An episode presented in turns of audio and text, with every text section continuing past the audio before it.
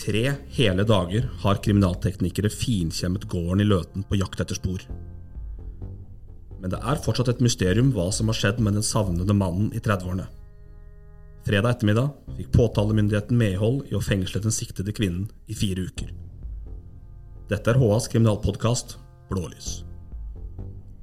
Ja, Trond Svendsen, da er det nesten to hele dager siden vi satt her sist og eh, og satt i en veldig innledende fase av den dramatiske saken vi står midt oppi. Og det har vært dramatikk egentlig eh, hver eneste dag siden, og det har vært eh, jobba mye på gården eh, i Løten. Kan du oppsummere litt for oss? Jeg føler i bunn og grunn at mysteriet bare vokser. Vi, vi, er jo i den situasjonen at vi fremdeles ikke har noe, i hvert fall ikke så langt vi er kjent med, noe svar på hvor den savnede mannen befinner seg. Samtidig så har vi jo sett at politioppbudet har jo nærmest eskalert fra time til time utpå der. I går var det jo en mengde kriminalteknikere og etterforskere i sving utpå der som det er veldig veldig lenge siden jeg har sett på et åsted, i hvert fall.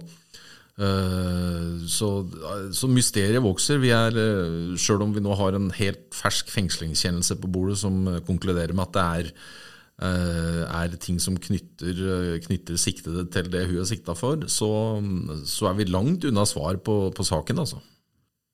Den saken her, Trond, begynte jo å rulle når HA fikk tips eh, ved firetida på, på onsdag. Da hadde et stort antall kriminalteknikere allerede fra tidlig morgen onsdag vært på gården og jobba.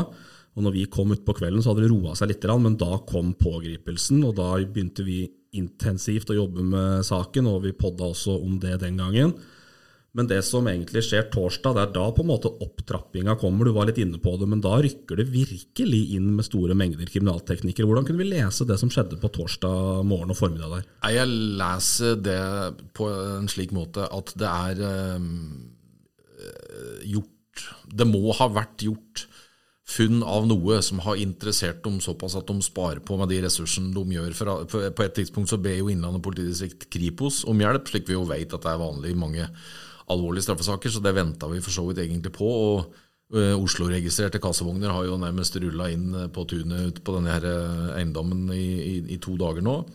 Uh, og det er alltid med på å understreke alvoret. og det er klart at Når du så f.eks. i går da, at du hadde ja, hva skal man kalle det, nærmest en slags troppeforflytning eh, på gården der, der du ser at alt fokus blir tatt vekk ifra bolig og, og, andre uthus og eiendommer som på en måte er der, og ned eh, i retning eh, På en måte i retning mot motorveien som går på baksida ute i marka der. ikke sant? Og, og, og det, du ser at det er voldsom interesse fra etterforskere eh, i, mot området rundt denne her eh, lavvoen som ligger i hjørnet på eiendommen. Og jeg tenker de graver ikke der på måfå. Dette her er, altså Kriminalteknikk er ikke lotto. Det handler om systematikk og metodikk. Og noe må ha utløst uh, den store store interessen. Jeg tror på et tidspunkt at det var fem eller seks sånne krimteknikerbiler og åtte-ti uh, hvitkledde som sirkla i området der. Vi, jeg sto sjøl der en periode og hørte lyden av eh, spader og hakker mot is og snø. ikke sant? Og, og, og det er tydelig at det, der nede er det et eller annet uh, som interesserer dem. Og du har vel prata med en politiadvokat i dag som eh, sier at, at det, eller som sier litt om dette? Vi har eh, prata med politiadvokat Liv Hilde Nytrøen eh, på, tidligere på dagen i dag, fredag, som bekrefter overfor HA at eh, det er gjort funn på gården som de har sendt inn til analyse. Ja.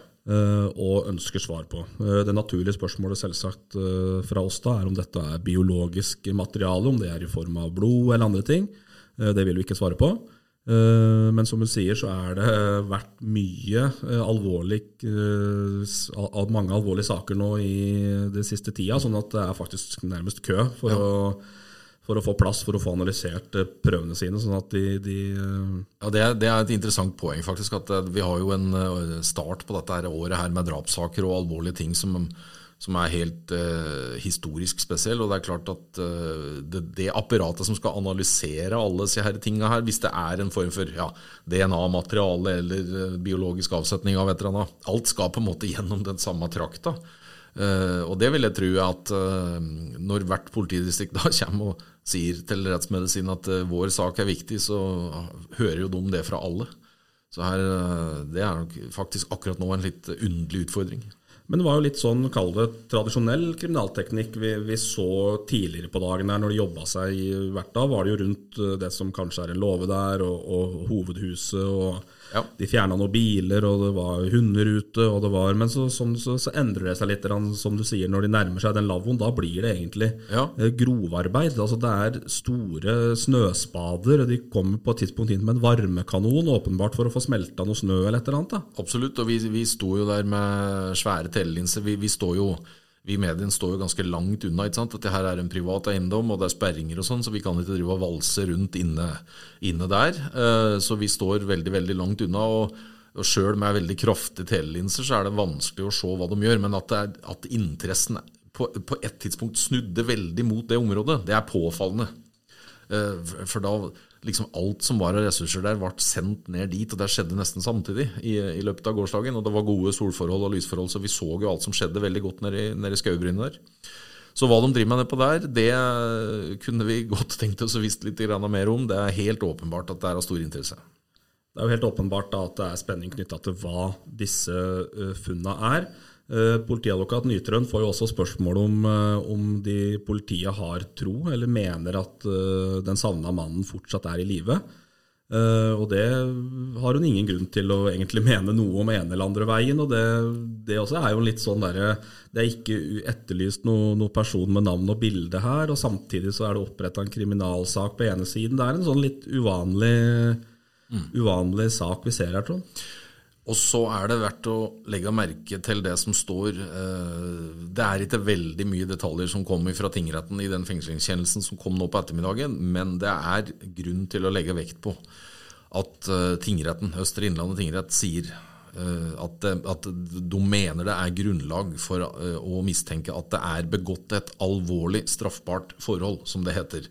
Og så får jo hver og en foreløpig bare tenke hva et alvorlig straffbart forhold kan være. Vi vet at hun er sikta for medvirkning til frihetsberøvelse. og Jeg har kikka litt i dag på hva betyr egentlig frihetsberøvelse. og det, det er jo en veldig sånn rund, rund, sekkepost, men det betyr i hvert fall at noen på en måte er eh, mot sin vilje fratatt sin frihet i en periode som ja, Høyesterett har faktisk definert det som en periode over 45 minutter.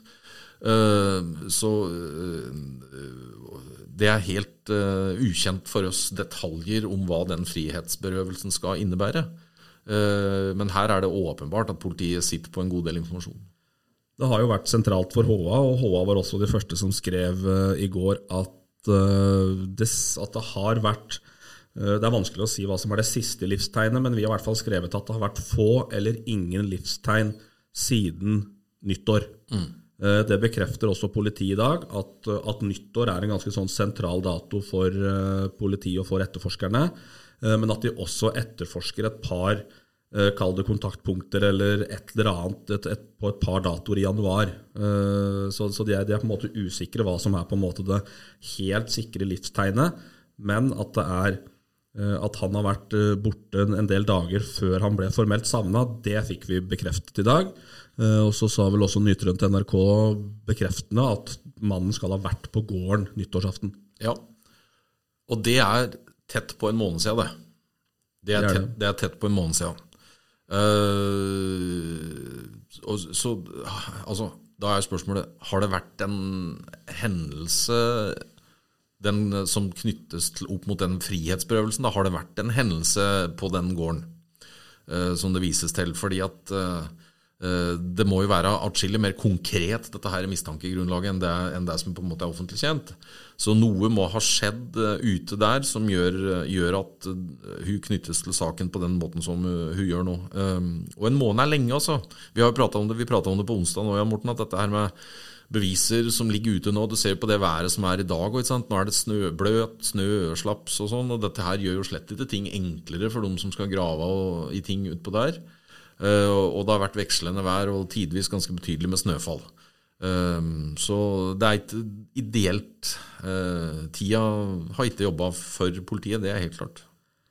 Nei, så er det som du sier i går. I går står dere der i, i litt sånn krisp eh, sommer... Nei, sommer, sier jeg. Krisp eh, vinterluft. Og, Ja, og det var påskestemning nesten i går. Altså. litt påskestemning, sjøl Mm. om det var noen minusgrader. Så, eh, men til i dag igjen, da, så er det et, et uh, ganske dramatisk værskifte, egentlig. Da er det var farevarsel til og med på snø fra Meteorologisk institutt, og det laver ned med bløt, tjukk, tung snø. Ja.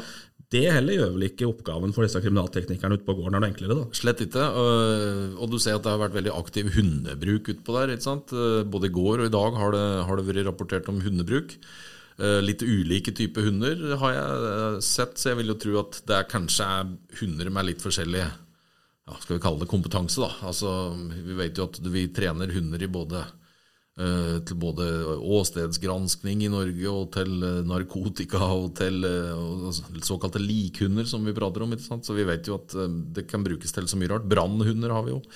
Så hva, hva alle de forskjellige bikkjene har vært brukt til, det vet vi ikke helt. Men det værforholda er neppe til gunst. Sjøl om dette her er ganske følsomme snuter vi snakker om her, så er disse her værforholda, ikke til gunst. altså. Så vet vi jo da at eh, politiet arbeider på gården der eh, torsdag kveld til ca. klokka åtte. Eh, Så er det litt roligere morgen fredag morgen. Det går et par timer fra lyset står opp til, til de er på plass. Det har helt sikkert vært noe møtevirksomhet i forhold til å planlegge de neste skritta her.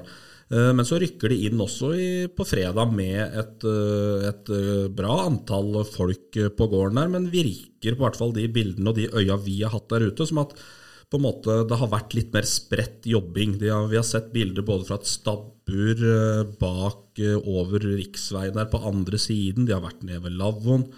De har vært interessert i låven, og de har vært i litt større grad interessert i hovedhuset på gården. Hvordan tolker du det at de på en måte gjorde seg ferdig med lavvoen i går, og så er de videre i dag, eller hvordan ser du det? Jeg tolker i hvert fall som at eh, den jobben som ble gjort i går, den tror jeg er veldig viktig. Jeg tror det har gjort et veldig grundig materiale i går, og jeg tror, noe, tror han skal merke seg det når eh, politiadvokat Nytrød sier at de venter på analyser, så tror jeg det er gjort funn av ganske eh, interessant kaliber for saken i går.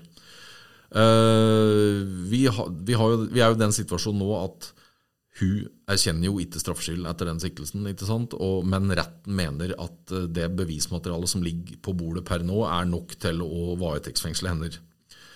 Eh, og frykter jo at hun kunne ødelegge bevis om hun da skulle bli løslatt. Eh, En ting er noen fysiske bevis og hva som eventuelt måtte ligge på gården. der. En annen ting er jo at du kan slette ting fra mobiltelefoner og, og sånne ting. Så mm, jeg vil tro at de dager de har hatt nå, fra hun ble pågrepet og, og nå når hun da sitter varetektsfengslet, det, eh, det har vært en ganske intens fase der det er sikra veldig mye.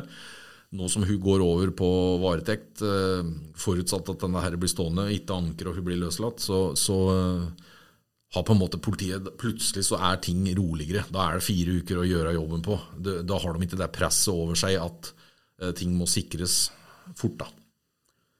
Og så har politiet både torsdag og fredag vært interessert i flere biler på gården. Det har vi sett også i andre alvorlige kriminalsaker, at biler er et interessant spor. Eh, I hvert fall inni en bil så er det jo tørrere og, og et annet miljø enn det man ser det de har gravd i tidligere, men de har nå sikra seg i hvert fall to, vi tror kanskje tre, eh, biler fra gården. Og senest nå i ettermiddag fredag så har de tatt med seg en ny bil. Ja. Biler eh, er veldig interessant. Og også, ikke minst, da, med tanke på at inni dem, for det første, kan det letes etter biologiske spor. Altså DNA-materiale, hårstrå, andre type kroppsavfall eller blod, eh, som kan fortelle noe om hvem som har vært i den bilen, og kanskje også litt om den tilstanden vedkommende har vært i.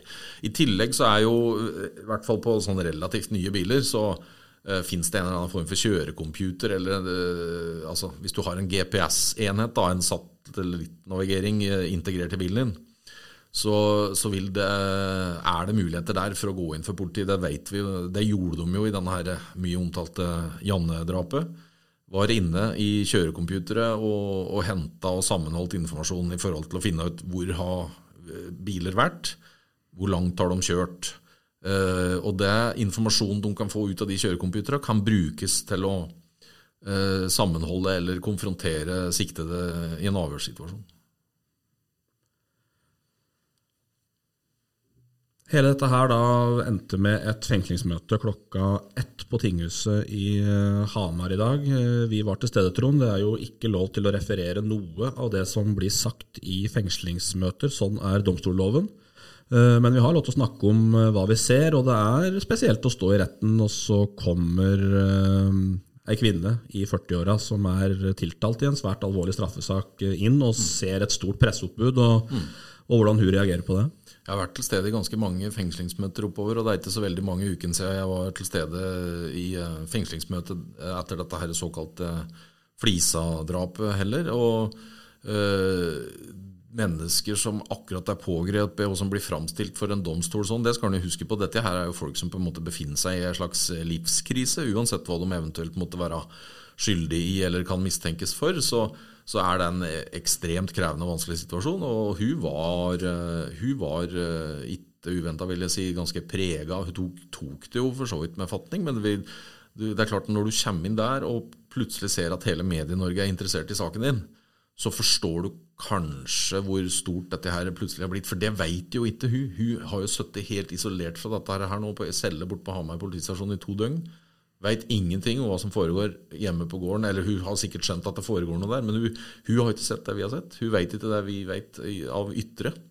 Så for henne så vil jeg nok kanskje tro at det var litt sånn eh, reality check å komme inn i den rettssalen i dag. Og det var et kort fengslingsmøte, som du sier, Jan Morten. Vi kan ikke vi er bundet på hender og føtter i forhold til å referere noen ting om hva som eh, blir sagt der. Sånn er det. Eh, men at hun, at hun opplevdes som eh, prega av situasjonen hun står i, det tror jeg ikke er noen overdrivelse.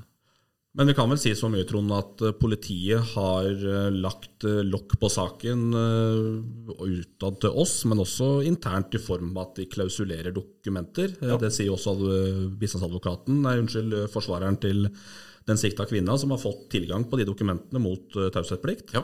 Uh, setter, jo, setter, jo, advokaten i en uh, liten skvis av dette der, da, ikke sant? For ja, ja. han sitter jo nå og veit alle detaljer om hva det er politiet sitter på mot hender. Uh, si men han får ikke lov til å si det til hun. Nei. Nei. og så gjør jo det at det kommer jo egentlig ikke fram noe spesielt for å si det sånn, i en sånn forhandling eller i et sånt fengselsmøte. For de henviser jo egentlig bare til dokumenter som, som kun to-tre personer vet hva er. Nei, det er generelt, uh, Generell opplevelse av fengslingsmøter er at det er ofte ikke noe gullgruve til informasjon, som noen kanskje måtte tro det er. Det er en veldig formell uh, ting der det blir sagt litt ha og ja og, og, vist til en del siktelser og dokumenter og avhørsdokumenter og sånn, og så er det hele over, og så går det et par timer, og så kommer det en kjennelse fra tingretten, som det gjorde nå, da, sånn like før klokka fire på, på fredagsaften. Eh, vi hører jo ofte at eh, det er jo gjerne fire uker de ber om eh, når det er snakk om en alvorlig sak, men det er ikke så ofte synes jeg, at vi hører om i tillegg at alle fire skal være med brev- og besøksforbud. Det er gjerne to av dem som er det, eller én kanskje. Jeg syns ikke det er så ofte vi hører om fire. Men Nei. her ber de altså om at hun skal ikke få prate med noen eller få besøk av noen annen enn sin advokat i fire uker. Det er riktig. Jeg, for å være helt ærlig, jeg hadde på forhånd tippa at hun kom til å be om enda strengere restriksjoner i denne saken i form av isolasjon. Og det gjorde de jo ikke. Så dette her er på altså brev- og besøksforbud er strengt, det, altså, men det er på en måte et uh, trinn ned på den stegen i forhold til isolasjon, som jo da er et veldig inngripende, inngripende tiltak. Da. Men hun er underlagt uh, brev- og besøksforbud hele perioden, og fram til 23.2 så får vi nå se da om hennes advokat Jens Henrik Lien anker denne her avgjørelsen inn for lagmannsretten på mandag. Men brev- og besøksforbud hva betyr det? det? Betyr det det det sies? At du får ikke ha besøk, og du får ikke lov å få tilsendt brev? Får du snakke med noen andre? Eh, jeg har vel hatt inntrykk av at noen har fått møte noen nære under strengt oppsyn eh, av folk. Eh, opp gjennom, altså typ få overlevert klær, altså litt sånn basic. Men du får ikke lov til å sette deg ned og ha noen samtale med noen. Altså for hele poenget sant, er jo at siktede ikke skal få vite hva som flyter av informasjon rundt uti der. Uh, slik at politiet skal ha full kontroll på, på hender i forhold til uh, avhør. Det er jo det, det, det, er jo det dette handler om. ikke sant? Det blir spennende å se hva som skjer i videre utvikling i saken. Hva tror du politiet gjør nå videre gjennom eh, når vi går inn i ei helg? Tror du det fort blir aktivitet på gården, eller eh, vil den bli trappa ned nå fra, fra fredag? Det kommer akkurat an på hvor uh, fornøyd de er, og hva de eventuelt måtte få av svar på de funnene som er gjort. Hvis de får funn som styrker dem i mistanken på at det kan ha skjedd en alvorlig forbrytelse ute på den eiendommen, så utelukker jeg slett ikke at de kommer til å fortsette. Men ellers så går de over i en litt roligere fase nå, der de kan bruke litt mer tid på å analysere, sette ting i system. Vi vet jo at de får bidrag fra Kripos her. Det, Kripos er spisskompetanse i Norge på å sette ting i system når det kommer til alvorlige straffesaker. Um, så jeg tror nok at vi er litt der at det, det, skal kanskje tas en liten fot i bakken snart for å se hva vi har, og så hvor vi går derfra. Men det er klart, springende punktet her er hvor i alle dager er den savnede mannen? Hamar Arbeiderblad følger den eh, dramatiske saken i Løten videre gjennom helga. Eh, alt om den finner du på ha.no. Dette her er Hamar Arbeiderblads kriminalpodkast Blålys med Trond Svendsen og Jan Morten Frengstad.